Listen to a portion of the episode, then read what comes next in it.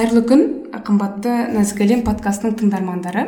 Ә, бүгін бізде қонақта так нешінші рет ағай есептейікші? Үш так төртінші рет. Төртінші рет иә төртінші рет ә, табиғат қалтай.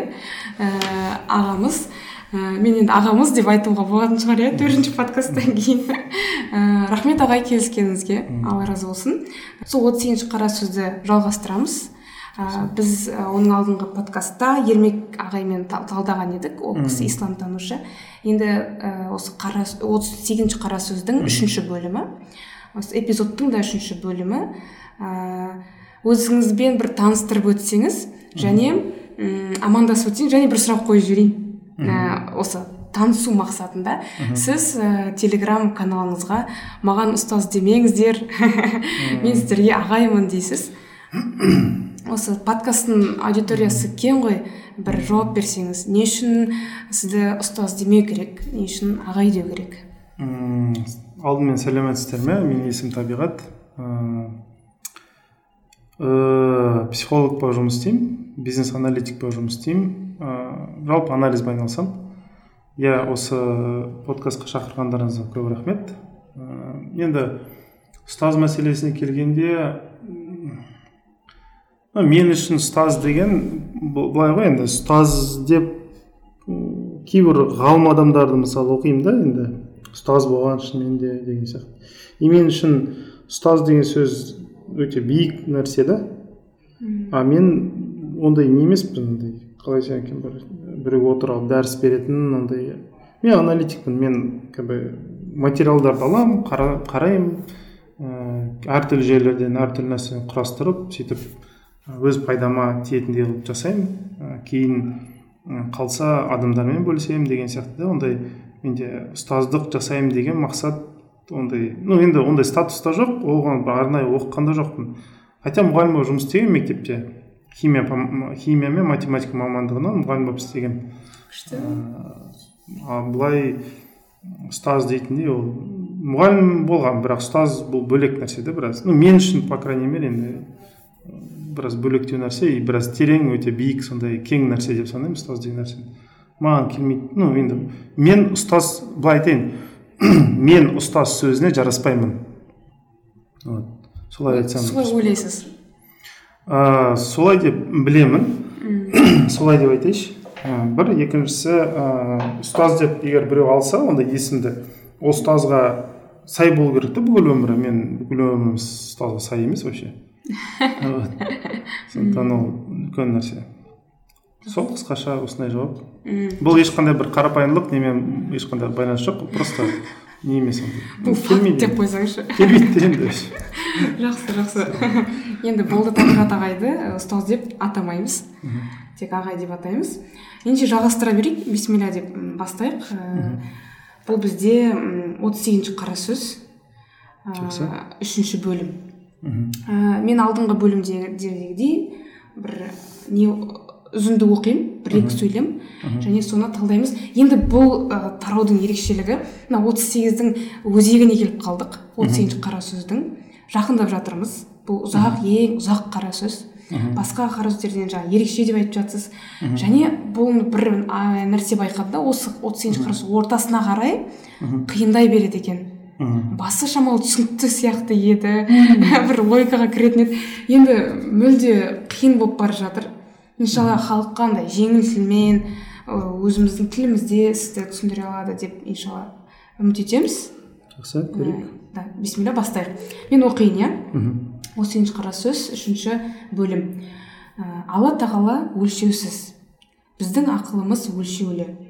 Өлшеулі мен өлшеусізді білуге болмайды. Біз алла тағала бір дейміз бар дейміз. Ол бір демеклік те ақылымызға ұғымның бір тиянағы үшін айтылған сөз. Болмаса ол бір демектік те алла тағалаға лайықты келмейді. Оның үшін мумликат мум- мумкинаттың ішінде не нәрсенің өжеті бар болса ол бірліктен құтылмайды. Осы жерден тоқтайықшы. Жақсы мына жерде мынандай нәрсе бар да енді бұл ә, субханаллах деген зікір жасайды ғой адамдар соны ашықтап жатыр да абай. Абай атамыз. Ә, былай да мәселе ә, біздің алла тағала туралы енді былай бір нәрсені ә, текстте былай келтірілген да. Бірінші алла тағаланың сипаттар алдында өзіміз сипаттап тұр да. Бірінші былай біз шектіміз дейді. Біз шектіміз. Ақыл ақыл иә ақылымыз шек, шекті дейді да. Алла тағала шексіз дейді. Енді мәселе осы жерден тарқап жатыр. Ә, сіздер мысалы бір калькулятор компьютер алсаңыздар ол арқылы шексіздікті өлшеу мүмкін емес та. Қанша күшті компьютер болса да. Оны жазасыз мысалы иә. Жасалына ма екен мысалы? Бірді нөлге бөл деген секілді иә мысалы. Кез келген калькулятор компьютер андай эррор деген андай қате деген нәрсені көрсетеді да. Өйткені ондай нәрсе мен түсіне алмаймын ондай нәрсені есептей алмаймын деген сөз да ол. Ә, бұл неге де келеді мысалы? Ә, періштелер. Періштелерге қарайтын болсақ олар суперкомпьютер секілді жұмыс істейді. Неліктен кейбір періштелер дейді мысалы сипаттағанда бір рет бүйтіп қарағанда дейді бүкіл ғаламдағы ғаламшардағы космостағы бүкіл жұлдыздарды санай алады екен бір мезетте. Енді ойлаңыз енді ол қаншама галактикалар бар қаншама нелер бар да соның бәрін санай алады екен. И алла тағала адам алейхисалам жерде жаратамын деген үкімін айтқан уақытта өзінің несін айтқан уақытта періштелер оны түсінген жоқ. Тіпті періштелердің өзі. Иә түсінген жоқ вообще еш мүлдем түсінген жоқ. Не то что алла тағаланың өзін түсіну алла тағаланың жасайын деп жатқан жаңағы жаратайын деп жатқан мақлұғын да жаңағындай адам алейхисаламды да неткен жоқ. Түсінбеді да. Біз түсінбейміз ондай нәрсені түсінбейміз. Просто біз ә, бұл жерде мынандай нәрсені білу керек та біз неге барлық нәрсені ақылмен ә, түсінуге тырысамыз? өйткені ақылымыз арқылы барлық нәрсені өзімізге бағындырамыз. Мен мынаны бағындырамыз. мен мынаны түсіндім деген сөз демек бұл маған бағынды деген сөз. Мысалы ойлаңыз бір сыныпта отыз бала отыр. Барлығы бір есепті түсінді сіз түсінбедіңіз. Адам өзін қалай сезінеді? Нашар сезінеді. Иә. неге? Өйткені ол себеп ол ә, есеп барлығына бағынды маған неге бағынбады деген сөз да ол. Сондықтан адамның көкірегі мендігі мен оның ақылы пара пар келеді да бірге жүреді. Жануарлар мысалы қоршаған ортаны өзінің ә, күшімен физикалық андай азу тістерімен андай күшімен бағындырады да біз олай істемейміз біз ақылмен бағындырамыз. Қоршаған ортаны былайша және ба әркез бағындырып отырғымыз келеді иә? Иә әлімізге қарамай. Иә. Мен мысалы көп адамдар неге кітап оқиды бірақ өміріне ә, мысалы діни кітаптарды оқиды бірақ діни қағидалармен өмір сүрмейді. Өйткені көбіне дінді өзіне бағындырғысы келеді. Бірақ өз дінге бағынғысы келмейді. Көп қой ондайлар. Қалай қалай түсінуге болады дінді бағындырғысы келеді? Өзіне бағындырғысы келеді. Мысалы діннің кейбір элементтерін алып өзінің өмірінде қолданғысы келеді. Мысалы әйелімен ұрысқан уақытта хадиспен аятпен ұрғысы келеді. Немесе ә, бір жерде андай енді бір лауазымда бір статуста отырса мысалы достарымен жүрген уақытта ә, жаңағы діни кейбір нәрселер қолданып өзінің статусын күштеп ұстап тұрғысы келеді мысалы.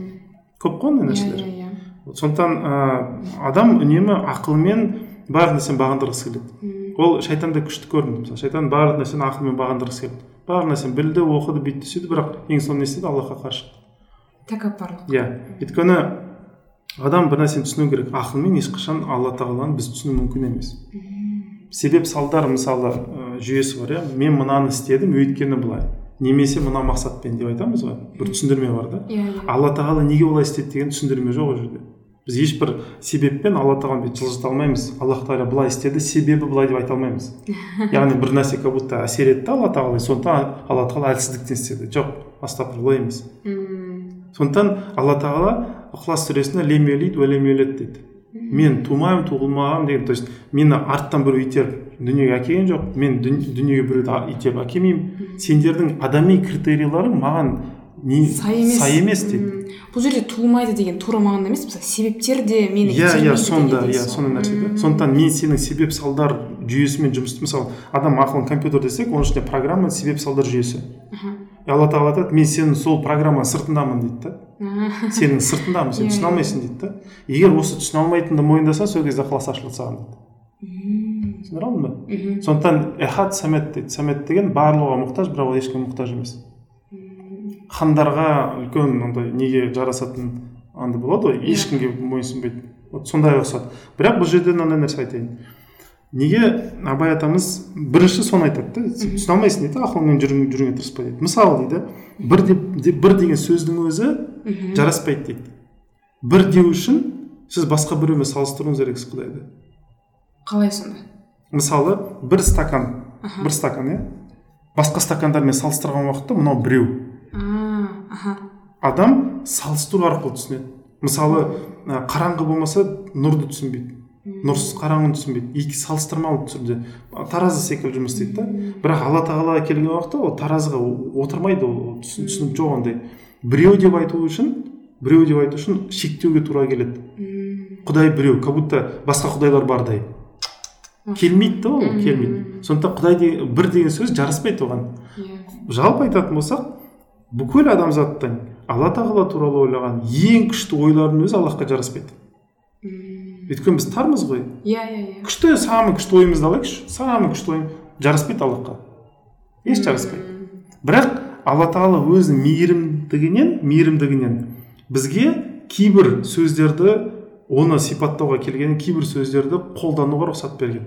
Мхм. мысалы субханах субханаллах деген сөз. Сипаттары иә өзінің есімдерін ол рұқсат берген бізге. Сол шеңберде маған ғибадат жасаңдар деген. Мысалы тфик үйретеміз ғой ағай. Етеміз ол да рұқсат қой. Рұқсат бар. Бірақ ол ә, мына жерде сұрақ былай ғой. Мен аллахты ә, өзіме ашықтаймын ба? Немесе аллахты түсінгім келіп тұр ішімде андай бір иә иә. талап тұр да? Сол талапты басқым келе ма басқым келу деген қанағаттандыру деген Иә. ма? Иә қанағат біз неге ілімді іздейміз? Өзімізді қанағаттандыру үшін. Иә. Бірақ аллахты сипаттау үшін емес. Аллахты біз сипаттай алмаймыз. Біз мұқтаж болғандықтан. Иә біз мұқтажбыз. Мм. бізде бір сұрақ пайда болды. Сол сұраққа мазалайды ғой бізді Иә, сол иә, сұрақ. сол сұраққа бір жауап отыру керек. иә азықтандыру иә. Это как жаңағы кішкентай бала бір нәрсе бересіз ол тамақ жейді. Бірақ бүкіл тамақ жеп қоя алмайды ғой. Иә иә сондай бір нәрсе. Ол бір бір үзін бір бөлігін алады да бір кішкентай. Көп мысалы мен де мысалы инстаграм басқа жерде жазған уақытта адамдарға түсінетіндей қылып жазылады. Мм, құран да солай сахабалар түсінетіндей қылып жіберілген. Бірақ алла тағала құраннан да кең ғой. Егер былай салыстыруға болмайды әрине Иә, конечно. иә. бірақ алла тағала туралы ақиқат құраннан да кең. Мм. ал мысалы мындай сұрақ қояйыншы. Мысалы жәннатта барғанда ыыы, ең жәннаттың ең ең биік дәрежесі алла разылығының ең биік дәрежесі оның алланың. Иә Иә, жамалын көру дейді Иә, ғой. иә. Ол қалай болады? біздің миымыз ол жақта ол жерде мынандай нәрсе айтылады. Адамның ақылы ә, құдіретін алланың құдіретін түсіну алу үшін оның ақылы күшейтіледі дейді. Мысалы пайғамбар саллаллаху алейхи вассалам миғраж шығарылымда жүрегін алғанда алла тағала жибраил алейхисалам алады да нетеді жуады кәусармен дейді кейбір риуаят кейбір жерде иманмен жуған дейді. Неге? Өйткені пайғамбар саллаллаху алейхи вассалам періштелерді көрген. Мысалы ойлаңызшы біз мына жерде отырмыз мына жерде қабырғадан біреудің бір періштенің беті шығып тұрса. Шошып кетеміз ғой иә иә иә. Біздің психикамыз онда ауыр. Иә иә иә. Даже не то что періште қазір есік ашылып мына жерден бір арыстан кіріп келсе біз шошып кетеміз.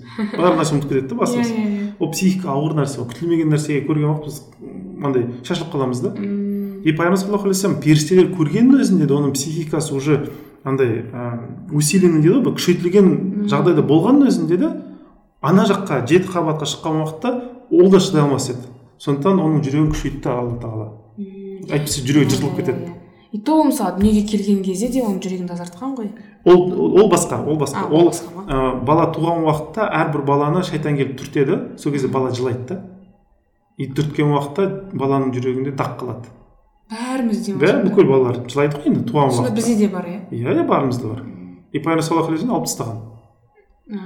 Бірақ кейбір адамдар мына жерде қате нәрсе айтады. Сонда ол дақты алғандықтан пайғамбар ғой. Жоқ олай емес ол дақты алды ол дақ, дақпен де аллах тағалаға ол пайғамбар болып дұға ететін еді. Ә, құл болып қалар еді. Просто ол дұға, дақты бір жағынан аллах тағала алады. Оның үмметіне не болсын көмек болсын деп. То есть пайғамбарлығы одан да кең болсын деп. Иә біз үшін. Иә. Сондықтан айтуға болмайды андай. Вот менің де дағым алып болса мен де пайғамбар болып кетемін деген жоқ жоқ пайғамбар бола алмайсың. Но ыыы просто осы жерде бір нәрсе айтқым келіп жатыр. Сол пайғамбарға да тіл тигізуге болмайды да андай. Бүйтіп кетеді сөйтіп кетеді деген сияқты. Супер ол. Супер условия тұрды. Бізде супер болса бізде супер олай емес. Иә. просто алла тағала оның пайғамбары одан сайын кең болған қалады мысалы о дүниеге түскен уақытта шапағат дұғасын оқыған уақытта аллах тағала бұған дейін белгілі болмаған есімдерін білдіреді деді екен. Не үшін? Шапағат дұғасы одан сайын кеңейсін деп. Иә, біз одан сайын көбірек құтқарылсын деп. Иә ол не сияқты? Ғой мысалы сіз андай если айтуға келетін болса мысалы бір ыдыстың ішіне ыыы бидай салдық дейікші или қаптың ішіне. Сосын сілкілейді ғой бүйтіп иә иә көбірек сыйсын деген секілді. Көбірек сыйсын қап өзгерген жоқ просто сіз аны бүйтіп бүйтіп бүйтіп бүйтіп бүйтіп трамбовать Сыйымдылық қана иә сыйымдылық иә сондай нәрсе болады да. Иә иә иә. Енді ә, мына жерде келген уақытта жаңағы қалай айтсам екен? Былай мына беріп жатқан алла тағаланың беріп жатқан ілімі толықтай аллах тағаланың өзін ешқашан сипаттай алмайды. Бірақ бізді қанағат ете алады. М, ақылымыздың ақылымызға ұғымның бір тиянағы үшін Иә. деп сол үшін иә айтылған иә. бізді бізді басу үшін бізді успокоить дейді ғой былайша айтқанда тыныштандыру үшін рахаттандыру үшін. Бір тиянағы үшін деген е, Иә. қазақ тілінде ол сондай мағына иә шынымен де тиянақтай дейді ғой Иә, кішкентай иә, тырнақтай иә. дейді ғой сол ғой. Иә мысалға сен бір тыйылшы деген сияқты ғой. Иә иә бір андай тиянағы үшін дұрыс дұрыс айтасың. Иә иә машалла біраз нетіледі да. Бұл негізі ә, бұл жерде мынандай бір нәрсе айтып жіберейін. Бұл неге айтылған былай? Көп адам болады өзінің ақылына ғашық. Аха. Ғашық болғандықтан ақылмен барлық нәрсені есеп қисап жасай аламын бәрін түсіне аламын дейді. Мм, бұл осыларға айтылған нәрсе. Ал бұл жерде былай деп айтып тұр да абай атамыз бақара сүресін бастағанда айтып- бастап жатыр да бұл жерде. Бақара сүресінде айтады. Бұл құран дейді барлығыңа емес дейді. Бұл Иә, иә, құран иә. дейді тек қана мұттақиндарға дейді. Дұрыс жолды көздеуші дейді көрсетуші дейді. Егер мұттақин категориясына сыймасаң кірмесең немесе мұттақин категориясына талпынбасаң тырыспасаң мгм. онда извини енді құран түсінбейсің просто түсінбейсің. Не для тебя. Иә мимо кетіп қалады да. Неге қаншама адам бар? Көп қой адамзат тарихында құранды оқып түсінбеген. Немесе қарсы шыққан. Неге өйткені түсінбейді ол? Нәсіп болмайды. Ол құранды сатып алдым қолыма ұстадым все болды маған бағына жоқ ол емес. Аллах тағала былайша айтқан уақытта құранның өзіне бір мінез салған. Құран қаласа ашылады. Қалай қаласа құранның мінезі қалай? Маған мұттақин болсаң немесе мұттақиндыққа тақуалыққа талпынғандардан болсаң ғана мен саған иә деп айтамын дейді құран М- түсіндің мұта- бе? Аха түсін. Енді қарашы мұттақин деген сөзді жаңа ашықтап жіберсек вот мұттақин мәселесіне келгенде бірінші сипаты иманул ғайып то есть ғайыпқа иман еткен көзге көрінбейтін иман еткен. Вот осы жерді абай атамыз жерде айтып тұр. Көз деген не ол? Адам былай ғой адам ғылымды алатын болсақ мысалы ғылым физика химия биология олар лаборатория бар дұрыс па? Ол жерде бір эксперимент болады. Ол жерде бір фиксация эксперименті дейді. Мысалы бір нәрсені екінші нәрсемен қосты үшінші нәрсе шықты. Осыны көзбен видеомен түсіріп біз бекітеміз. Содан кейін ол бір факт болады. Иә. содан кейін ғана оны ғылым зерттей алады. Мм, ал абстрактный нәрсені иә. көзбен көрілмеген нәрсені біз теория гипотеза дейміз. Иә. Бірақ факт деп қарастырмаймыз. Мм. ол ғылымның ішіне кірмейді. Кірмейді иә Кірмейді. сондықтан дейді иманул ғайып деген көзбен Мм. иман ететіндер бар ғой көзімен көргенді ғана иман етеді. Иә. Мұттақин болғың келсе көзіңмен емес жүрегіңмен иман ет дейді ғайыпқа сен. Ғайыпқа көзге көрінбейтінге то есть ғылымның сыртына шығып кет дейді да? Иә иә. Деген ғылымның сыртына шығу деген сөз. Шынымен де бізде не, не тек қана алла тағалаға емес біз мысалы пайғамбарымыздың өзін мысалы үлестіремін көрмедік қой. Бірақ оны сонда да иман етеміз да. Иә сондай нәрсе. Мысалы періштелер көрмейміз ғой. Мм, даже кешіріңіз мынандай нәрседе айтайын мысалы дінде дәрет деген нәрсе бар иә мысалы. Мынандай бір дәрет логикаға да сыймайды негізі да. Ақылға былай ақылмен логика емес ақылға сыймайды мысалы дәрет допустим қай уақытта бұзылады адамның қолына нәжіс түсіп кетсе дәрет бұзыла ма дәрет Бұзыл- бұзылмайды бұзылмайды бір кір нәрсені ұстап қалсаңыз дәрет бұзылмайды А, аха. Түсіндіре алдым ба иә бірақ допустим адамның артынан жел шықса аха. дәрет бұзылады Мм, қалай ол ол кір болған жоқ қой иә иә иә ол қалай түсініксіз ол просто алла тағала айтады осылай біл дейді болды. Осылай біл Иә, дейді. Иә. кейін рухани жағына келген уақытта иә түсінікті болады. Өйткені адамның дәрет алған уақытта андай аура дейді ғой сондай нәрсе болады да Иә, иә, адамда. иә. сол бұзылады. Мм, тек қана физикалық тазалықта емес мәселе. Бірақ адам оны көзбен қарап тұрады да қалай ол? дейді. Түсінбейді да оны нәрсені. Қалай ол? Несі несі кірленді дым кірленген жоқ қой деген секілді. Иә иә иә. Сондықтан ә, даже сондай элементарный нәрселер келген уақытта ақылға сыймайды кейбір нәрсе ол жерде иман ету керек. Мм, алла тағала ақылың сыртына шық дегені ғой. А- ақылының ішінде отырса адам өзінің ақылына ғашық сондай болса ол көрген нәрсесіне ғана сенеді. Көрмеген нәрсесіне сенбейді. Иә былай де- деп тұр да типа ақылыңның сыртына шық себебі ақылың ішінде сен мені таппайсың иә. Мен мен сыртындамын. иә. Сондай нәрсе да ол. Мысалы ол біз көбіне ә, анализ жасап жатады да адамдар. Қате анализ ана қожанасырдың бір анализі бар. Ә, шыбынды алады екен да мысалы. Шыбын мысалы а, құмырсқаны алады екен да мысалы. Құмырсқаның екі аяғын жұлып тастайды екен алдыңғы екі аяғын. Жүр дейді. Қалған төртеуімен жүреді да ол. Сосын тағы екеуін жұлып тастайды жүр дейді. Тағы екеуімен бір нәрсе істейді. Сосын қалған екеуін жұлып тастайды бүкіл алты аяғын жұлып тастады жұл дейді. Жүр дейді ол жүре алмайды. Сосын қожа насыр өзінен жаңағы ә, дәптеріне жазады екен. Алты аяғын алып тастасаң құмырсқа естімейді екен деп. Мәссаған иә иә көп адамның анализі сондай вот құранға келгенде діни нәрсеге келген уақытта бір өзінше эксперимент жасайды сосын барып айтады ол істемейді это не работает бұл бұл өмірде жұмыс істемейді деп ойлайды да бір анализі сондай да ол иә анализ жасауды білмейді ненің ақыл не- қандай ақылдың шегін білмейді ол ақылмен барлық нәрсені тарап шығамын деп ойлайды бірақ ақылдың өзінің де шектеулі ол да бір призма оның бір шегі бар М, а если оның сыртына ақылдың сыртына шығатын нәрсені зерттеуге тырыссаң ақылың көмектеспейді жоқ көмектеспейді м. біз мысалы андай ә, термометрді температураны өлшейтін нәрсемен объемды өлшемейміз ғой. Көлемді Иә, өлшемейміз. Сондай нәрсе ғой ол. М, сосын бір сөз есіме түсіп тұр мысалға тіпті шүкір еткен кезде да ше біз ә, негізі шүкір ете алмаймыз. ете алмаймыз иә. Ол- бұл да андай ақылымыз ә, түсінеміз да осы кезде уже түсінеміз да. Сондықтан бізге Анаған алла тағала мейіріммен әльхамдулиллах деген сөзді берген. Барлық барлық шүкірлер саған деп айтқан. То есть мен бүкіл қандай шүкірлер айтылады сонымен бірге заталпу за вместе барлығын бірге айтамын дейді да Иә, сөйтіп иә, қосыламын иә. дейді да. А жалғыз өзім айта алмаймын даже барлығымыз қосылсақ та все равно ол. Иә, ну хотя бы мен осылармен бірге болайыншы деген ғой а так жоқ шүкір етілмейді ешқашан. Адам өйтіп шүкір ете алмайды да. Бұл сонда ә, мысалы ақылымыз деген нәрсе тек қана миымыз ойланатын нәрседен бөлек шүкір мәселесі аллахты пәктеу мәселесі. Ғибадат мәселесі. Барлық Ғибадат. не істесек те барлығы шолақ бізде. Қандай шолақ? Барлық не істесек те алла тағаламен қарым қатынаста біз не істесек те барлық нәрсеміз шолақ. А қысқа барлық иә нәрсе. иә ешнәрсе жетпейді. Ол одан тыс. Иә. Ол кішкентай бала мысалы тәй тәй басып жүргісі келеді бір нәрсені қолынан төгіліп шашылып бір нәрсе. Вот алла тағала бізге қарағанда Мгм.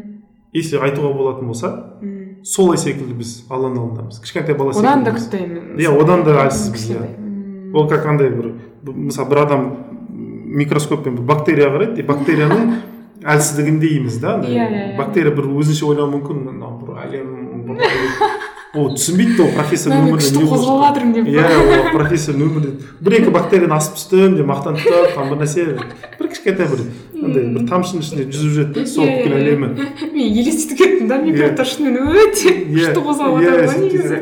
и сол да біздің неміз. Алла тағала неге бізден де кішкентай нелер жаратты?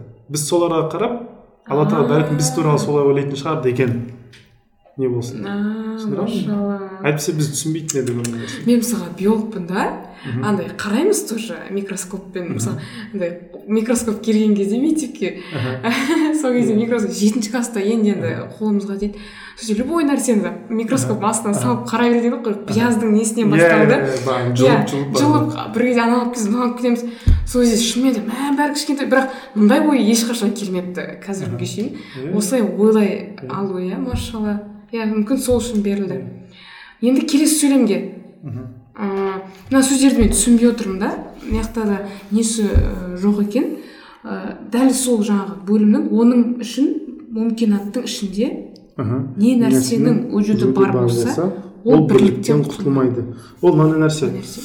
Егер андай подобный деген қалай десем екен? Ұқсас нәрселер. Ұқсастық болса ол ол бір деген нәрседен жоғалмайды дейді. Ол бір, бір деп мынау біреу деп айта алмайсың дейді. Мысалы стаканға біреу деп айта алмаймыз өйткені басқа да стакандар бар да. Иә иә иә. А құдайға келген уақытта оның ұқсасы жоқ қой. Иә. Вот. Сондықтан оған бір деген жүз сөз жүрмейді түсіндіре алдым ба? машалла иә иә мына жерде мүмкинат дегені ол жаратылысты айтып тұр.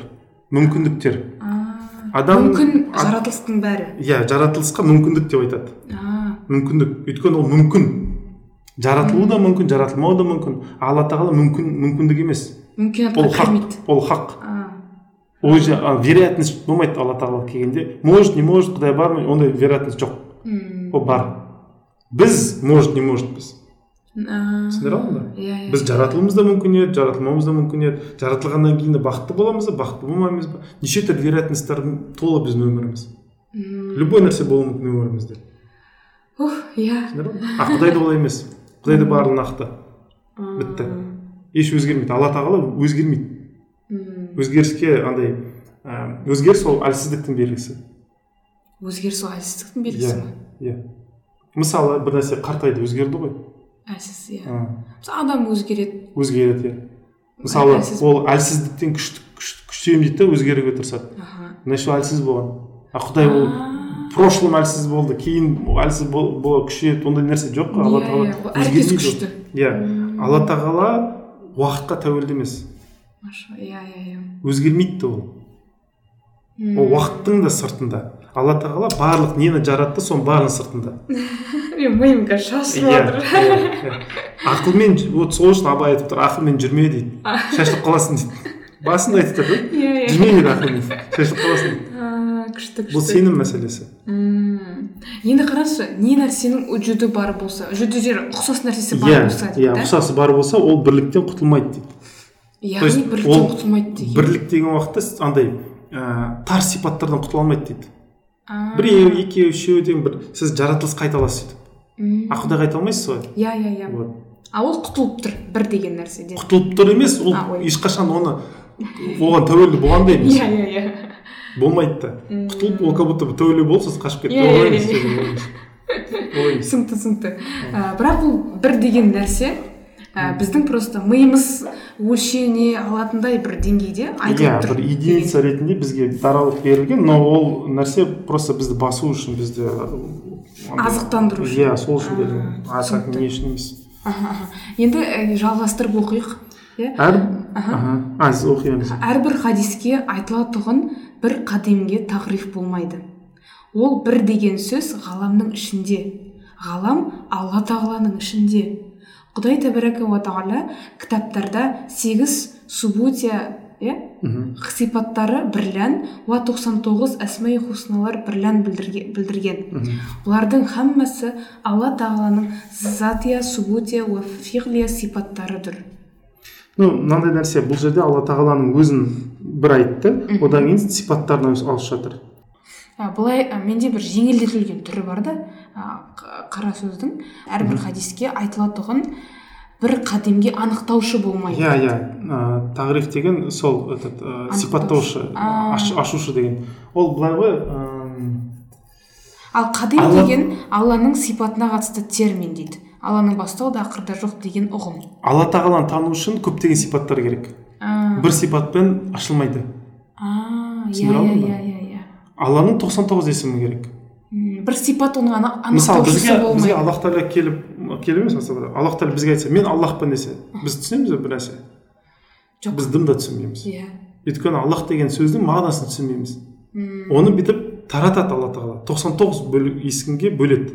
Мен бір жерде рахманмын бір жерде рахиммін бір жерде халиммін бір жерде алиммін деген секілді. М, түсіндіре алдым ба? Иә. И содан біз түсіне бастаймыз. Вот адам не ғой ә, қалай десем екен? Сіз алыста бір жұлдызды көрдіңіз. Иә. Бір нүкте ретінде көрдіңіз иә? Бірақ оны түсінбейсіз не болып жатқанын. Ол сізге жақындатылып бүйтіп үлкейтіліп бүйтіп таратылу керек та. Ана немен ә, телескоппен қарап жақындатылу керек та былайша айтқан уақытта. Ол бөліну керек. Мысалы сіз ә, ақ нұрды түсіне алмауыңыз оны жеті спектрге бөлу керек та. Иә. Көз ә, жасыл бар қызыл бар көк бар деген секілді. Сол секілді алла тағала өзін таныту үшін әртүрлі 99 есімін бөлген. Сол 99 есімнен еще әртүрлі сипаттар таратқан. М, былайша айтқан уақытта бізге шайнап беріп жатыр. Түсіндіре алдым ба?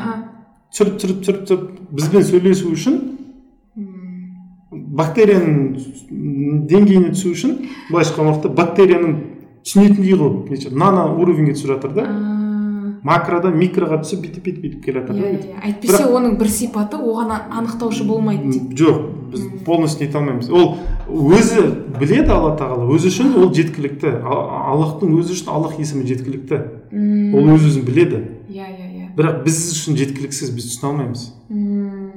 Түсіндіре алдым ба иә иә иә. Біз нете алмаймыз. Бізге обязательно тарқатылу керек бізге былай бүйтіп бөліну керек та содан айтып тұр иә ол бір деген сөз ғаламның ішінде. Ғалам болса алла тағаланың ішінде. Алла тағаланың ішінде деп айтқан бұл жерде ә, қате бар мына жерде ұғым?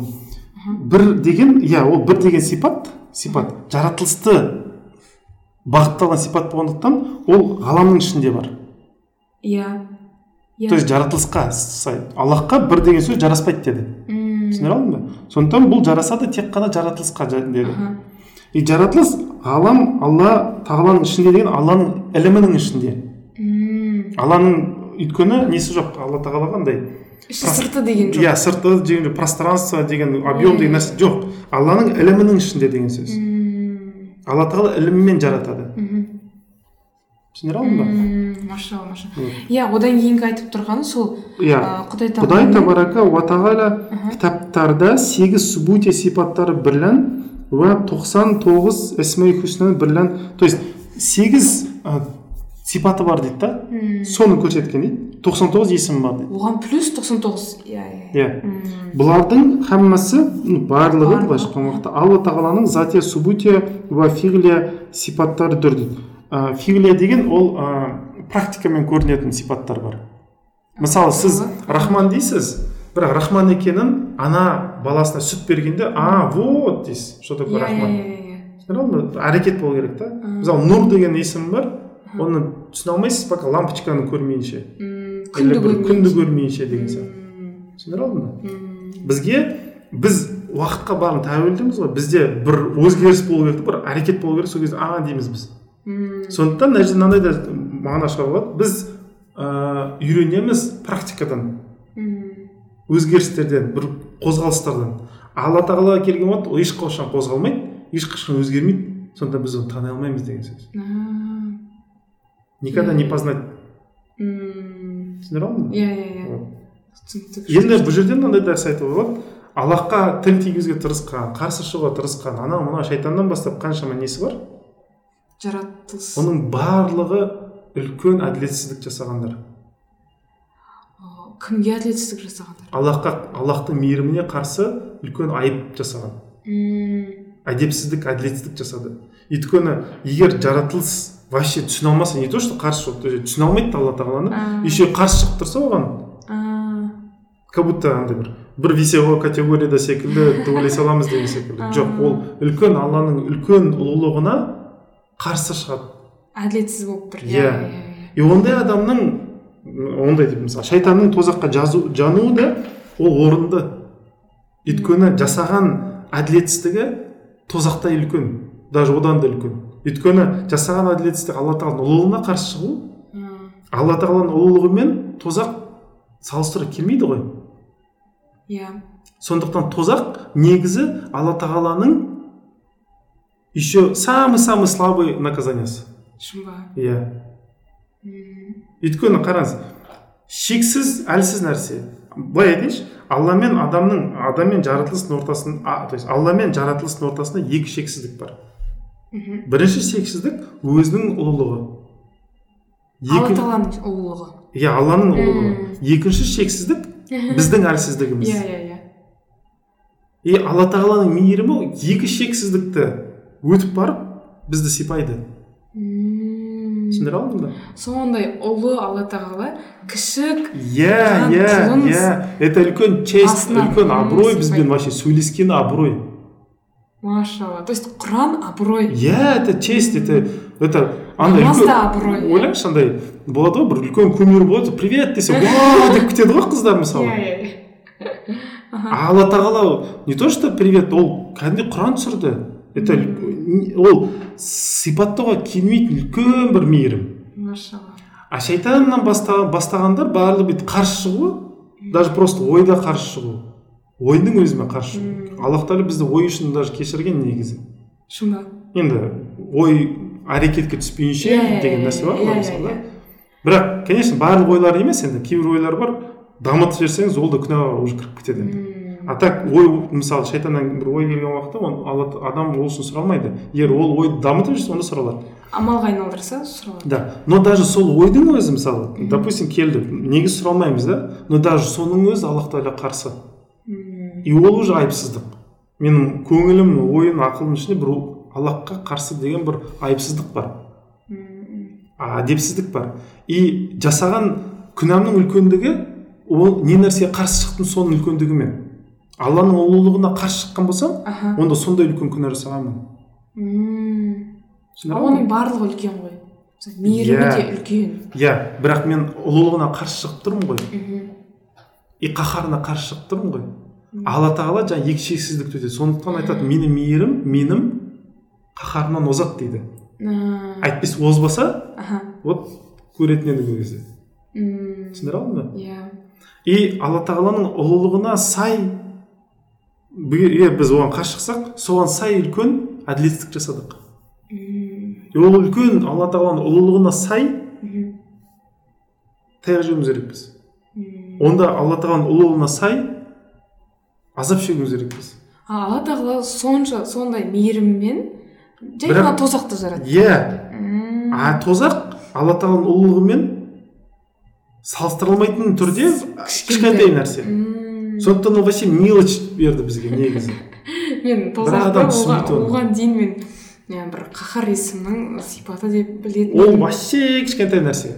Сондықтан ол неге өйткені алла тағала өзінің бүкіл қаһарын көрсеткісі келмейді. М, егер көрсетемін десе тозақтың өзі жылап кетеді. Иә ол ол өте өте страшный нәрсе ол жаққа кірмеген жақсы пайғамбар саллаллаху алейхи өзіне де миғражда дейді мысалы тозақты көрсетті деген жерлерінде былай деп айтады. Тесіктей бір иненің несіндей тесік жасалған дейді да тозақтың несінде. Сол тесіктен ғана көрсетілген дейді да. Кішкентай ғана несі көрсетілген дейді. Потому что дейді бір хадистерде бар мысалы тозақтың бір тессең дейді ол жерден бір иіс шықса дейді иісі жаман дейді да. Бүкіл мына әлемге тарап әлемде бүкіл нәрсе өліп қалар еді дейді да. Сондай нашар дейді да сондай нашар. Бірақ соның өзі соның өзі әлсіз кішкентай. То есть адамдар алла тағала сол үшін бисмиллахи рахмани рахим мен барлық нәрседе рахман рахим есіммен бастаймын дейді. Барлық нәрсені мейіріммен бастаймын дейді. Сенің даже күнәларыңды да жаңағы тозақтың өзін де мейіріммен бүйтіп нетіп алған қоршап алған. көмкерген иә барлық нәрсені бүйтіп құшақтап алған да. Сондықтан адамдар а, не түсінбейді енді жалпы айтқан уақытта ол ойлайды бір ақымақ болғаннан кейін ғой енді кішкентай бала өзінің критерийімен үлкен кісіні са- санайды ғой. Бүйтетін шығар сөйтетін шығар. Олай емес вообще. Келмейді и сол үшін айтылған алладан шынымен де ғалымдар ғана қорқады деген. Шынайы дейді да? бірақ ол шынайы дегені ол как бы тоже бір честь беріп тұр да сен шынайы. Нағыз шынайы қорқа алмайды. Қорқа алмайды шынайы негізінде. Өйткені алла тағаланы қорқу үшін ол ұлығына сай қорқу керек. А біз оған да жете алмаймыз. Бірақ жалпы жаратылыстың ішінде дейді жаратылыстың ішінде среди людских критериев дейікші былайша айтқанда. Адами критерийлардың ішінде ең шынайы это ғалымдар. Жаңағы пайғамбарлар мен миражшылар ғалымдар алладан қорқады дейді. Таулар даже үгітіледі дейді ғой Иә, алланың иә, ойлаған иә, таулар. сондай нәрсе. Сендердің жүректер неге үгітілмейді деп айтады ғой мысалы иман етпегендерге м, сондықтан бұл жерде ғалымдар неге өйткені ғалымдар түсінеді что бактериядан да бактериямыз да ол жалпы Иә, айтқан иә, уақытта. и ғалым соны ғылымды соны түсінген адам алладан қатты қорқа бастайды. М. бактериядан хабар жоқ адам өйтіп ойламауы мүмкін. Уже солай ойлайды да иә иә иә. Сондықтан ғылым негізі адамның иманын арттырады. Иә иә. егер ол сол ғылым арқылы құдайын іздесе. Алланы көрсе. Иә. Бірақ егер ол ғылымды іздеп өзін күшейтемін десе онда әрине атеист болып кетіп қалады. Ғылым сондай нәрсе. Ғылым адамның ішіндегі ниетін күшейтеді. Иә иә иә. Иман етемін десе иманды арттырады ғой иә или күфірді арттырады М, ал осы ә, абай атамыз әсіресе осы ғылымға көбірек кіреді. Мгм. сенің қара сөзінде иә. Мен қараймын мысалға биосфера саласына да Иә. біраз кіреді. Иә. Ә, жан жануарлармен де Иә. теңестіреді. Ә- әдейі істеген екен ғой иә? Әдейі иә ол ғылыммен. ғылымды түсіндірсе адам ғылымға шомылған адам ғана құдайды максимально өзінің адами критерийіне сай максимально ад- алладан қорқа бастайды. Мгм. алладың мейірімін барлық нәрсе сезіне бастайды. Мысалы простой сұрақ. Барлық біледі. Ядроның ішінде жаңағы атомның ішінде ә, нейтрон протондар бар. Мхм сыртында электрон айналып жүреді. Иә. Неге неге айналып жүреді? М, ол түсінікті емес бар ма вообще не нәрсемен ұсталып тұр ол. Иә жоқ. Ол алланың мейірімімен ғана ұсталып тұр. Басқа еш нәрсе түсіндірілмейді ол. Иә иә. Жоқ ондай түсіндірме жоқ. Эйнштейннің сөздері ұнамаған мысалы. Ньютонның физикасы бар эйнштейннің физикасы бар и квантовая физика деген нәрсе бар аха вот квантовая физиканы жек көрген екен эйнштейн. М, түсіндіре алдың ба? Өйткені ол жерде тек қана алланың мейірімімен ғана түсіндіре аласыз. Сіз иә иә иә. Квант түскен уақытта. М, адамда иманы шолақ болса ондай нәрсені қабылдағысы келмейді ньютон мен эйнштейннің физикасында иә сайрайды ғалымдар атеисттер квантовыйға түскен уақытта өшеді барлығы. Өйткені квантовыйда аллах тағала құдіретімен көрсетіп тұр да. Уже андай себептердің арасына артына бір перденің артына тығылғандай тықпайды өзінің әмірін. Мысалы егінді еккен уақытта оған жаңбыр түседі содан кейін егін шықты деп айтады ғой мысалы адам. Алла тағала өзін сол жаңбырдың артына ә, бидайдың артына өзінің әмірін жасырған. Аллах қой негізі егінді шығаратын. Иә. Бірақ адамдар айтады жаңбыр шығарды дейді. Сөйтіп түсіндіреді да мысалы. Немесе азраил алейхисалам жаратады не үшін? өлім келген уақытта азар алейхисаламмен өзін жасырған адамдардың рухтарын алла тағала алады негізі. Бірақ азар алейхисаламды как себеп ретінде жаратқан. Как перчатка секілді. Қолғап секілді. Қолына кетті әмір қолына кетті былайша айтқан уақытта. Соның жанын алады. Иә иә. Алейхисалам сол перчатка. Түсіндіре алдым ба? Біз себептер алаңындамыз. Иә алла тағала ә, бізбен өзінің ортасына себептерді қойған. Не үшін? Не үшін иә. Мейірімінен. Егер біз қате жасасақ ол дүниеде айтылады. Е бұл просто себептердің арасында жоғалып қалды деп айтады ол үшін сылтау болады да бізді кешіруге. Ал егер напрямую аллахты көріп тұрып жоқ десек вот бұл уже ширк болып кетеді ғой уже бізде сылтау болмайды. Сылтау болмайды. Иә иә. Қайда қашамыз көрмедім білмедім деп айта алмаймыз ғой. Мысалы шайтан айта алмайды? Көрмедім білмедім напрямую? Жоқ деді. де шынымен де. Бітті иә. Мысалға ана ә, биологияда мен айтамын да мысалға баланың дүниеге келуін ә, мысалы әйел адам мен ер адамның қосылуына оның жатырға ұрықтың бекінуі сосын оның қайта қайта қабаттардан өтуі тоғыз ай тоғыз күн деген нәрсеге алла тағала негізі байламай ақ осылай рас бала Иә. дүниеге алып келе салды Иә. оны? Болады құдіреті мейірімі жетеді чудо жасауға болады иә жасауға болады. Иә мұғжиза. Бірақ себептер әлеміне әдейі байлап қойған байлап қойған иә. Сосын мен ойладым да не үшін байлап қойған шығар деген кезде именно осы жерде ойлаймын ойлағанмын мысалға біз жәннат тозақ деген нәрселер бар ғой.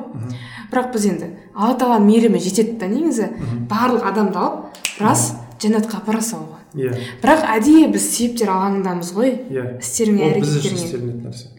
М, өзі өзі ондай нәрсе мұқтаж емес қой иә иә барлық жаратылыс біз үшін ғана істелген. Көрсін деп. Иә. Мысалы пайғамбар саллаллаху алейхи вассаламды неге миражға көтерді? Мхм. Допустим вот мынандай пайғамбар саллаллаху алейхи емес любой адамды миражға көтерсінші көтере алмаймыз. Мысалы иә. допустим. Сол жерде біреуі миражға көтеріліп бара жатыр допустим жай адам. Допустим да? Теоретически. Көтеріліп бара жатыр сол жерде иманын жоғалтып алуы мүмкін. Шын ба? Иә. Мына керісінше артпай ма иманы? Жоқ. Қалай? Тозақты көрді. Ішінен ойлап қалды неге азаптайды? деп. Енді ойланады. Может тәфеккүр етеді адам сондай ғой көрген нәрсесіне былай сразу ойланбастан бүйтіп есеп бере салады да бүйтіп. Қабылдамайды. Мысалы неге хазірет бәкір радиаллаху сахабалардың арасында өзгеше адам? Садық деген есім алған иә иә. Мен пайғамбармын деген уақытта хазірет абу бәкір вообще вообще кідірмей иә кідірмей. Иә деген. Сахабалар басқалар олар мини мини секундқа бүйтіп кідірген. Түсіндіре алдым ба вот ойлаңызшы миражға көтеріліп келе жатыр адам ойлаңызшы былай айтайыншы мысалы мынандай сұрақ. Сіз біреумен сөйлесіп тұрсыз біреуге бір нәрсе айтып жатырсыз аха. Өте маңызды нәрсе айтып жатырсыз и ол бүйтіп сізге қарап тұрды да басқа жаққа қарап бүйтіп алаңдады. Иә. Қалай сезінесіз өзіңізді жаман сезінемін. Сізге қадір беріп тұрған жоқ. Мхм, дұрыс па айтқан сөзіңіз енді ойлаңыз алла тағала сізге сөйлеп тұрса мхм. алаңдау бола ма? Болмайды. Вообще болмайды ондай нәрсе. М, адам алаңдап қалуы мүмкін ғой. Ана миқраждағы да? Иә. Алаңдап қалды мысалы. Мхм, вообще басқа нәрсені ойлап кетті. М, түсіндіре алдым ба? Иә иә иә ондай да болуы мүмкін. М, сондықтан пайғамбар саллаллаху алейхи вассалам вообще еш нәрсеге алаңдамайды. Алладан басқа ешкімге алаңдамайды ол ол бір сәт болсын алладан басқа біреуді ойламайды. Машалла иә. Түсіндіре алдым ба әркім көтере бұл қайдан шығады? Көтере алатын көтере алмайтын нәрсе берілмейді деген нәрсе. М, қағидадан шығады да.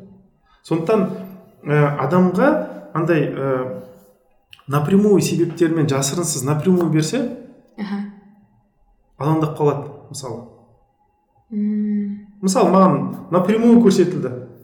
Жұмақтағы орным допустим барлық күшті көрсетілді да мысалы. Хюри мюри барлығы көрсетілді. Ол Аха. қыздар иә мысалы еркектер қызығатын. И айтты ешбір жер жүзінде ешбір әйелге бір, бірде бір рет қарама. Мхм мен саған супер нәрсені көрсеттім. Уәде де берілді барлығы берілді. А мен қарап қойсам ше? А, бітті сол жерден. Иә бітті. Ал біз әлсізбіз ғой адам өзіне жараспайтын нәрсе істеп қоюы мүмкін да? Бүйтіп иіліп жерде бір қоқысты алғысы келіп кетуі мүмкін. Иә иә болады ондай. Түсіндіре алдым ба? Иә. Сондықтан алла тағала перделердің артына тығылған өзінің әмірін тыққан. Егер адам шатасып қалса бір нәрсе болып қалса бұл просто перделердің арасынан тығылды көре алмай қалды дейді да сол сылтаумен кешіре салу үшін. Алла тағала бізді кешіруге қатты ынталы. Машалла иә. Түсіндіре алдым ба мхм сондықтан осының барлығы істеледі өйткені иә. напрямую болса ол ойлаңызшы мысалы күн қарай ала ма адам? Ананы қарай алмайды. Очки кию керек та андай солнечный очки жаңағы. Сол кезде ғана былай бәрі сәл нетеді да. Онда да күн негізі на- напрямую тұрған жоқ негізі бұлттардың ар- Иә, иә, ондай арқасында иә. тығылып тұр. Иә сондықтан адам тым нәзік тым нәзік тым әлсіз. Сондықтан көптеген перделер болу керек. Адам күйіп кетпейтіндей қылып. Напрямую нетсе күйіп кетеді просто. Алланың ұлылығының алдында күйіп кетеді. Мысалы алла тағала бүкіл адамзатты бүйтіп мына пердені маған жыртты да өзін көрсетіп қалды. Қайсымыз сәжде етеміз? Кейбіреулер кідіріп қалуы мүмкінбіз. Шын ба иә и вот сол кідіріс үшін мә кідіріп қалуы мүмкін адам.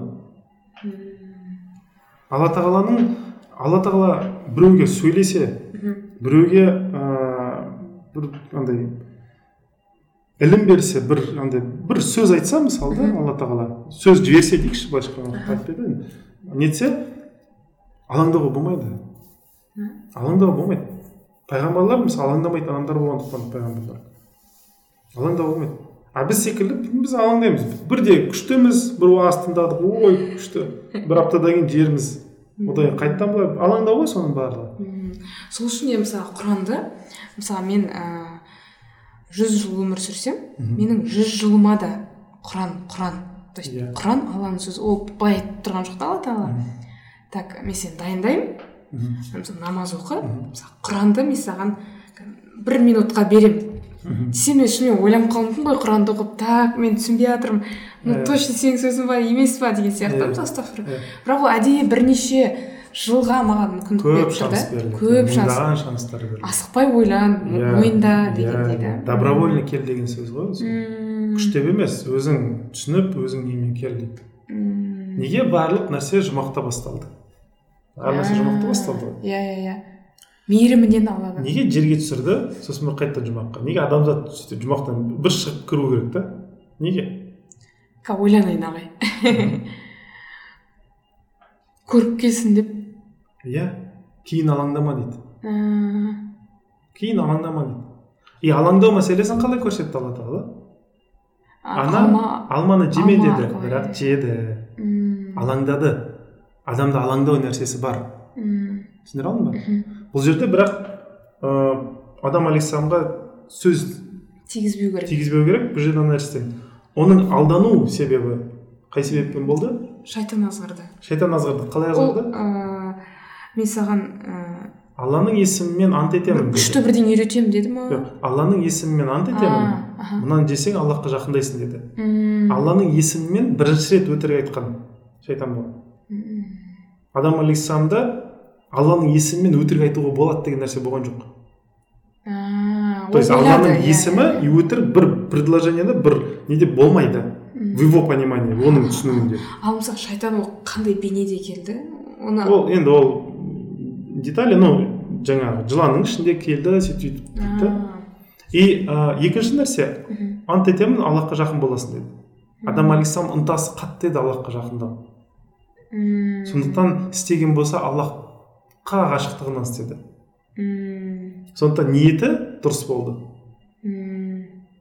Сондықтан күнә болып саналмайды. Ол ниеті қатты дұрыс болғаннан қатты ынтасы ә, үлкен болғанынан плюс алланың алланың атымен иә, болғандықтан аллахқа ғашық болғандықтан істеген алла ә, жеме деген нәрсені ұмытып кетті иә сол.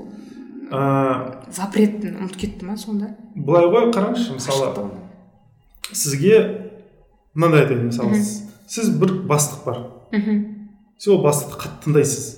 Иә. Мойынсұнасыз иә. Иә ол бастық келді да мені менің ассистентім болады деді. И өзінің орнына бір көмекшісін тастап кетті. Мынаны тыңдаңдар деді. А, вот осы жерде кейбіреулер тыңдайды иә анау айтты деген дейді а сіз ол бастықты қатты сүйгендіктен ассистент тыңдағыңыз келмейді А, түсіндіре алдым ба? Иә иә тек бастықты тыңдағым келеді. Иә. Түсіндіре алдым ба? Вот сондай нәрсе ол. Ол оңай нәрсе емес ол. Иә иә иә. Сізге сіздің сезіміңіз өзі кедергі болады да. Екі крайность бар дейсіз ғой иә? Иә қатты біреуді сүйесіз. И оны өзін орынбасар қалдырып кетсе қалай сүйесіз? Ол орынбасарға тура соны істей алмайсыз ғой как предательство секілді ғой ол. Иә иә. Вот. Бірақ ол айтып кетті көрдіңіз ба и сіздің оған жақындау деген сезіміңіз оның айтқан әмірімен бұйрығымен қара- қарама қайшы келеді да? Иә иә иә. Қиналасыз сол кезде. М, өте қиын таңдау екен шынымен өте қиын Иә. екен. Иә иә иә түсінікті. М, түсіндіре алдым ба иә иә. Сондықтан ол күнә болып саналмайды. Бірақ адамның ішіндегі алаңдау сезімін мхм. көрсеткен аллах тағала. Алаңдайсың деген. Сенің ұрпағың да алаңдайды. Сондықтан жер жүзіне қыдырып қайтыңдар. Алаңдап көріңдер барлығын. Соны көргенде оң солын танығаннан кейін адамда вкус пайда болады. М, мынаны қалаймын мынаны қаламаймын деген өзін тани бастайды. И сол вкуспен қайтадан жұмаққа келген уақытта сол вкусына сай жұмақ жаратылады м. ана бір сөз бар ғой жұмаққа түскен адамдар ә, былай айтады екен мә мына жер ә, осы жердегі өмір өте бір қиын жер болыпты ғой деп айтады екен да жәннаттың иә көркемдігі соншалық да ал тозаққа барғандар керісінше айтады екен да мә мынау жердегі өмір рахат рахат болыпты ғой мына жақтағы сонша қиналыс қиналыстың кесірінен мына дүниедегі қиындықтар ұмытып кетеді екен да. Иә. И андай нәрсе бар ыыы адам алейхисалам мен хауа анамыз жер жүзінің ең сұлу жеріне түсірілген ба- басында. Ең басында иә. И қатты бүйтіп андай көңілдері түсіпті. Мәссаған. Иә. он емес жер деп па? Вообще вообще деген ғой енді. Деген деген енді. Иә, иә, иә.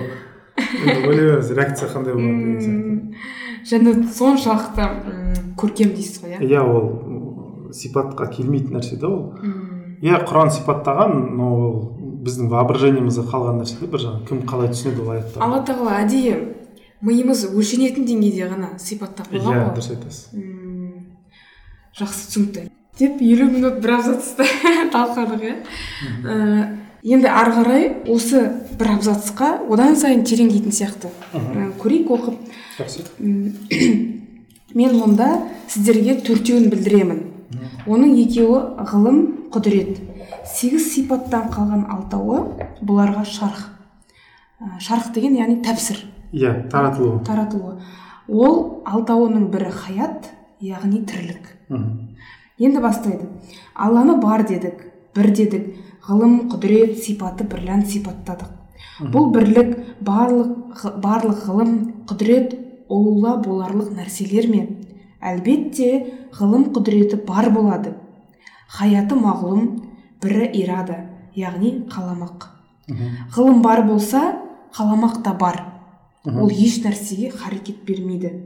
Хаммаға харекет беретұғын өзі. Ол ирада ғылымының бір сипаты кәләм яғни сөйлеуші деген. Сөз қаріпсіз дауыссыз болушы ма еді? Алланың сөзі қаріпсіз дауыссыз.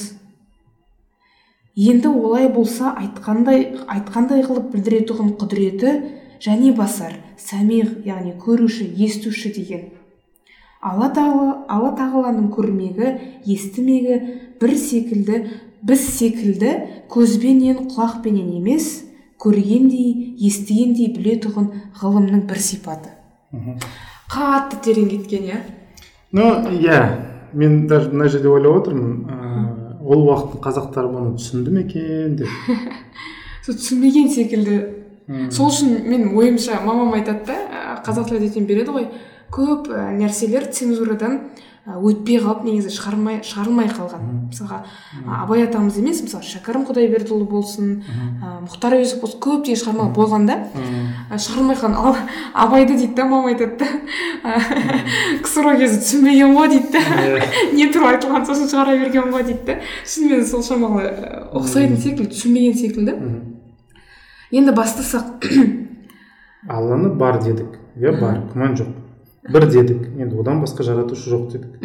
Ғылым құдірет сипаты бірлән сипат сипаттадық. Ну сәл пәл сипаттадық дейді да Иә, иә, иә. ғылым не екен құдірет не екен? Бұл бірлік дейді. То есть бірлік деген таухид. Бір құдайлық дейікші барлық ғылым құдірет олулы боларлық нәрселер ме ә, осы жерді түсіндірейікші. мхм. ә, өз өзінен бола ала ма дейді А, түсіндіре алдым ба бұл ғылым бұл құдірет өз өзінен бола ма дейді. Әлбетте ғылым құдіреті бар болады дейді. Ғылым өз ғылымның өзі бар дейді. Ә, оны ашықтайды хаяты мағлұм мағлұм дегені белгілі деген сөз. А, бірі ирада дейді. Қала. Ир- ирада деген ә, жігер деген мағына. Қалаушылық. Енді қаламақ дейді де енді әмір десе де болады. Ирада ерік жігер. Ерік жігер иә. Ғылым бар болса қаламақ та бар. Яғни ә, осыны мен мүлде түсінбедім да сол үшін мындай қарамен белгілеп қойдым. былай ғылым бар егер болса. білім болса ғылым болса онда оны қалаған біреу бар дейді. Оның бар болуын қалаған біреу бар. Аха аха. То есть басында айттық қой мұның барлығы өз өзінен бола ма? Болмайды. Болмайды иә. Өйткені алла тағаланың әмірімен бол деген. Күн фаякун деген бар Иә, бол иә. деді сондықтан бол. Сондықтан ғылым да бұның барлығы да алла тағала қалағандықтан болды.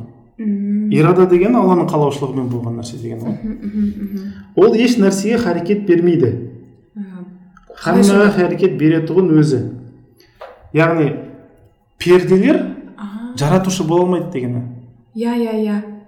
Мысалға ана расушаға- харекет беретұғын өзі дейді. Алла тағала өзі жаратады дейді. А, перде жаратылды. Біз жаңа айтқан нәрсені біз просто жаңа елу минут болып кеткені біз иә иә. мынадан скорее всего мынау шығады деп айтып жібердік та. Иә, а иә. ол и так уже жазылған екен. иә. Мысалы жаңағы бактериялар өзімен өзі жүгіріп жүрмейді. Жоқ. Ә, хаммаға харекет әрекетті беретұғын өзі деп тұр машалла. Алла тағала өзі ирадасымен то есть қалаушылығымен әмірімен жүргізтеді. Сондай режиссер секілді десе де болады сырттан за кулиса отырып ойнатқызып отырады дейді. Енді ол ирада ғылымының бір сипаты кәләм яғни сөйлеуші деген. Сөз қаріпсіз дауыссыз болушы ма еді? Қалам дегені алла тағала айтады ғой бірінші ең бірінші тұңғыш жаратылған нәрсе қалам дейді да. И соған жаз деген. Қаламның сипаты біз білетін қаламсап емес. Ол природа емес ол басқа бір нәрсе болуы мүмкін. Просто біз қалам деп білеміз. И сол жерге алла тағала жаза берген. А қалам отырып жазған. Отырып деген жалпы алып жазған. Ненің болатынын ненің қалай болатынын барлық тағдырлар барлығы жазылған. Үлкен кітап бар левхи махфуз деген кітап бар сол туралы айтылады соны қалам жаза береді екен. Алла тағала историяны жазған да? Иә. Бүкіл мен не істеймін қалай істеймін барлығын жазған. Ашықтан ашық бір кітапта бар белгілетілді дейді ғой мысалы. Вот сол. Әр нәрсенікін жазған иә? Алла тағала все фиксирует деген сөз. Ешбір нәрсе менің ілімім сыртына шығып кете алмайды мен барлық сенде не істейсің барлығын білемін. Ана атомдар иә қай иә қай электрон қалай қимылдайды? Бұның барлығы жазылған дейді. Түсіндіре алдың ба иә. Бұл алланың құдіреті. Енді осы сөйлеуші деген қаріпсіз дауыссыз болушы ма еді? Иә. Деп ойландыруға шақырып тұр да? Жоқ ол былай ә, біз ойлаймыз мысалы мен сізбен сөйлесіп отырмын сөз қолданып отырмыз да арамызда иә құлақ көз барын қолданамыз дұрыс па сөйлесуде аллах тағалада бұл жоқ ол дыбысқа тәуелді емес қарып кетеді тәуелді емес. иә онда сондықтан былай қаламды жаратты значит менің түсінген сөздермен жазады олай ойлама дейді сен түсінбейтін нәрсе сен түсінбейсің оны байқамайсың нетпейсің дейді да алланың сөзі қаріпсіз дауыссыз дейді иә Е- то есть дауыссыз деген алла тағала бүйтіп обязательно дауыспен сөйлемейді. Ол біз солай воспринимать етеміз. Мысалы допустим мынандай мылқау адам, адамдар сөйлеседі мылқау адамдар. Иә. Олар дауыссыз сөйлеседі ғой. Иә. Дұрыс па? Яғни сөйлесудің коммуникацияның әр түрлері бар. М, тура мен дельфиндер жерде сөйлеседі. Иә. И мен біз адам түсінгендей обязательно солай болады деп ойлама дейді былайша айтқан уақытта бұл мынандай нәрсе. Өзіңе қарап пішін берме басқаға дейді. Мм. Түсіндіре алдым ба? Мысалы компьютер робот жасасаңыз робот айта, айтса адам схемалардан тұрады десе сондай бір нәрсе да ол. Мм. Иә иә тар тар ойламас. Дегенге қайтадан нете жатыр? Қайтып келеді. Енді олай болса айтқандай қылып білдіретұғын құдіреті және басар. Басар деген барын Кө- көруші. көруші самир деген естуші. Самир яғни көруші естуші деген дейді. То есть бұл осы есімін екі есімін алла тағаланың сипаттап жатыр. Ол көреді бұның бәрі естиді құдіретінен иә. көруші және Иә. естуші дегеннің Иә. ә, са- тафсирі Иә. иә сол есімдердің. Көруші естуші деген біз түсінсін деп айтылған бірақ ол көрмейді да естімейді да оның көруі оның естуі ол ғана біледі қалай болатынын. Біз білмейміз. Біз көру деп көруді оның то есть оның көруін біз көру деп атаймыз. Иә. Бірақ біз көргендей емес ол. Или оның естуін біз есту деп атаймыз. Иә. Бірақ біз түсінген есту емес ол жерде. Ол өзі біледі. Қандай есту қандай көру бар екенін. Ол былай ғой. Жаратылыс пен алланың ортасында бір перде бар деңіз. Перденің мына жағы жаратылыс жағы жаратылыс түсінетін нәрсені көрсетеді. Перденің мына жағы тек жаратушы. Алла тағала ғана біледі. Не бар екенін ар жағында. Ешкім білмейді оны. Түсіндіре алдым ба? Иә иә алла тағаланың көрмегі естімегі біз секілді көзбен құлақпен емес көргенде естігенде білетұғын ғылымның бір сипаты дейді. Яғни ыыы былай ғой. Қалай десем екен?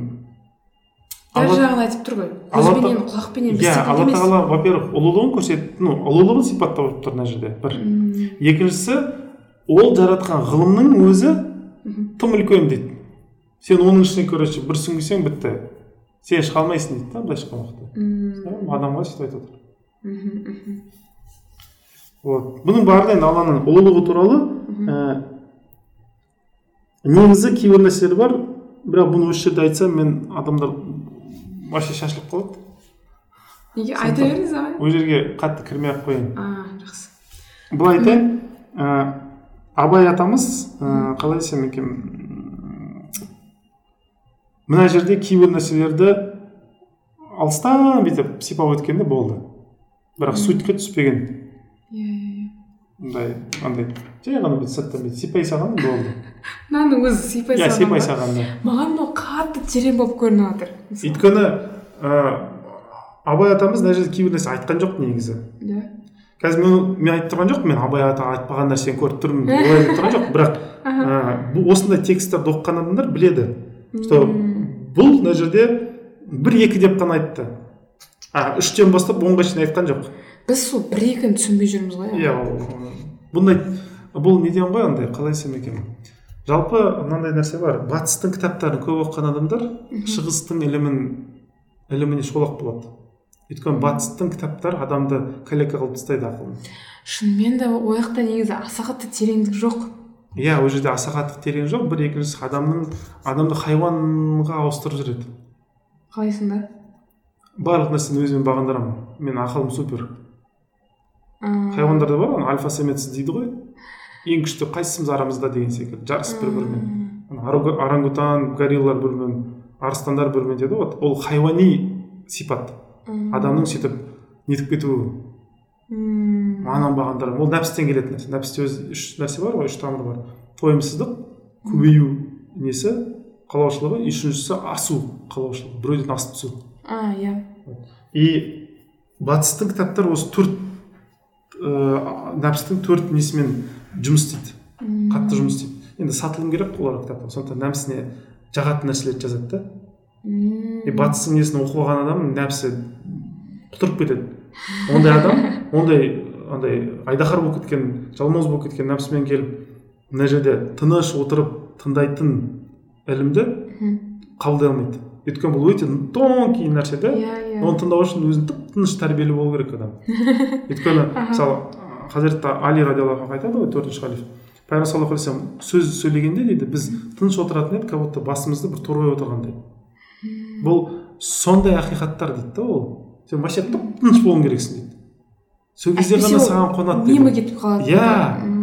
Өзім өзім деп кетсе өзіңді ойлап кетесің алланы ойлай алмай қаласың. Екі нәрсе бір жерде бола алмайды таухидтың мағынасы сол. Мен мен жоқ болу керек чтобы аллах бар болу үшін. Иә көріну үшін бару үшін көріну үшін. Бізге көріну үшін. Адам өзін ұмытып кету керек. Чтобы аллахты нету үшін. Ал егер батыстың кітаптарын оқып оқып келіп мен мен деп келген адам ол бір дикий жануар секілді келеді да ол мүгедек болып қалады иә дейсіз ғой ол ақылы әдепсіз әдепсіз болып өседі и әдеп шарт ислам дінін түсіну үшін әдеп шарт ол болмаса ол түсінбейді ешқашан ол просто былай аяттарды прочитает и былай че там дейді мысалы мына последний неде өткен осы кеше кеше нәргі күні пост жазғанмын андай нәрсе болды да енді дау болды да дау дегенде енді кейбір комментарийлер болды сіз ана бір нәрсе жазасың анау мынау құлақтан тебесің деген. Ну құлақта емес енді. Ойдан құрастырып шыға бересің шығасың иә деген сондай. Қайда аят сосын бір рет те болған бір екі рет болған осы үшінші рет по моему көрсеттім қандай аяттарды қай жерде алғанын. Мынандай аяттар мына жерде Иә, былай иә, сілтеме деген секілді. Соның өзінде адамдар құранның қай аудармасынан алынды дейді да е қызықсың сен. Сосын еще біреу айтып қояды мен оқыдым ол аяттарды дейді да ол жерде жоқ. Сен айтқан нәрсең жоқ ол жерде дейді да андай ә, мұсылман адам мұны айтып тұр да? Сіз айтпайсыз ба? Айналайын қайда қайда? Енді мен кінәлі емеспін ғой иә сосын мен айтамын мен сенің сенің образованиемен мен айналысу маған шарт емес қой. Мен я же не обязан сені үйретуге нетуге. Если может сен өміріңді вообще бос жүрген шығарсың там. И кеше ғана бет исламға келдің и хочешь нетіп тастауға. Бәрін үйреніп алу. иә дайындалу керек қой адам біраз нету керек. И соның өзін нетеді да. То есть қазіргі таңда адамдар сондай болып кеткен. Сіз даже источникті көрсетсеңіз де былай. Міне мына аят десеңіз бар ғой. Ол көріс жоқ дейді. Мен көрмедім значит ол уже жоқ дейді. Сен көрмедің это значит сен көрмедің. Уже жоқ емес ол. Отыр тереңде оқы деген сияқты. В общем сондай сенің ақылыңда жоқ ол нәрсе. Иә андай как бы. Дайын емес ондай нете алмайсың мен айтып тұрған жоқпын мен супер дайынмын мә ішіп тастадым шашып тастадым деп. Олай емес просто ә, құранның өзінің әдебі бар оның бір этикеті бар сіз мысалы бір ханға президенттің алдына шықсаңыз бір дайындалып барасыз сол секілді нәрсе. Құран жаратушыңнан түсті. Оған оқу үшін дайындалып баруың керексің. Как минимум дәрет алу керек как минимум. А дальше уже бұл тек қана сыртқы. Иә рухани дәрет алуың керексің ақыли дәрет алуың керексің талай дәрет алуың керексің. Дәреттің несі бар ғой келбеті өте көп біз сол физический дәрет деген ол физический дәрет жоқ ол емес ол. Рухани дәрет те бар. Зікірмен салауат келтіріп мысалы. Или ақыли дәрет бар. Андай уәсуасалардан босап адам құраннан аққан сумен жуына салып құран оқи саламын деген нәрсе жоқ ол. Дәретпен оқиды да адам. Иә иә. Но жүрегіне жата ма? Енді практика көрсетті комментарийлерді көріп тұр барлығына жатпайды екен. Сол үшін екен ғой да мысалы ә, пайғамбарымыз саллаллаху кейбір сахабалардың ә, иманға келетінін болжаған ғой. Ә, не бәлкім ну алла тағала Әдебі- көрсеткен ғой. А алла алла тағала көрсеткен. содан сондықтан айтқан бір әдебі болғаннан болжады ма деп ойлағанмын ғой. Жоқ жоқ ол әдемі дегенде андай жоқ әдеп әдеп. А әдебі ну ә, мысалы былай айтайын. Абу жахил бар ғой. Иә. Абу жахилдің негізі лақабы басқаша болған. Абу жахил деген жахалет то есть андай жахилдік андай надандықтың әкесі иә дейді. бірақ оның негізі ол абу жахил деп атаған пайғамбар саллаллаху алейхи вассалам болған. Оған дейін ол даналықтың әкесі деген лақап болған онда шын ба? Иә. Өйткені ол өте мудрый адам болған деп саналған меккеде. Шын ба? Иә адамдар қалай қалай мудрый болған? Несімен данышпан. То есть адамдар ақылдасқан уақытта абу жахилге барып ақылдасатын. Сондай адам болған да ол. Спорларды бәсеке би секілді ол би болған ғой уақытта сол уақытта өте авторитетті адам и шынымен де өте ақылды адам болған. Бірақ неге оны пайғамбар абу жахил деді? Ол білді пайғамбар пайғамбар екенін бірақ айтады неге ол пайғамбар дейді? Я знаю ол пайғамбар я знаю дейді. Мысалы хазірет али айтады ғой «А, сен шынымен де пайғамбар емес деп ойлайды. Жоқ дейді. Білемін пайғамбар екенін пусть он от меня отстанет дейді. Келе бермесінші маған дейді. Пайғамбар үш жүзден астам рет келген екен шақырған екен. Бірақ ол қызғанған. Неге мен емес? Иә неге мен емес? Неге анау? Мен более лайықтымын. Өйткені үйреніп қалғанда меккенің барлығын о подписчиктері болған ғой и бір кезде мына жерде пайғамбар саллаллаху алейхи шығады галочкамен дейсің иә ғой и бүкіл подписчиктер фу деп справа ұстайды да. Енді бүкіл емес енді но біраз адам алынады да мысалы жүз алпыс па жүз алпыс бес па сондай болған меккелік кезінде. И оны көтере алмаған да.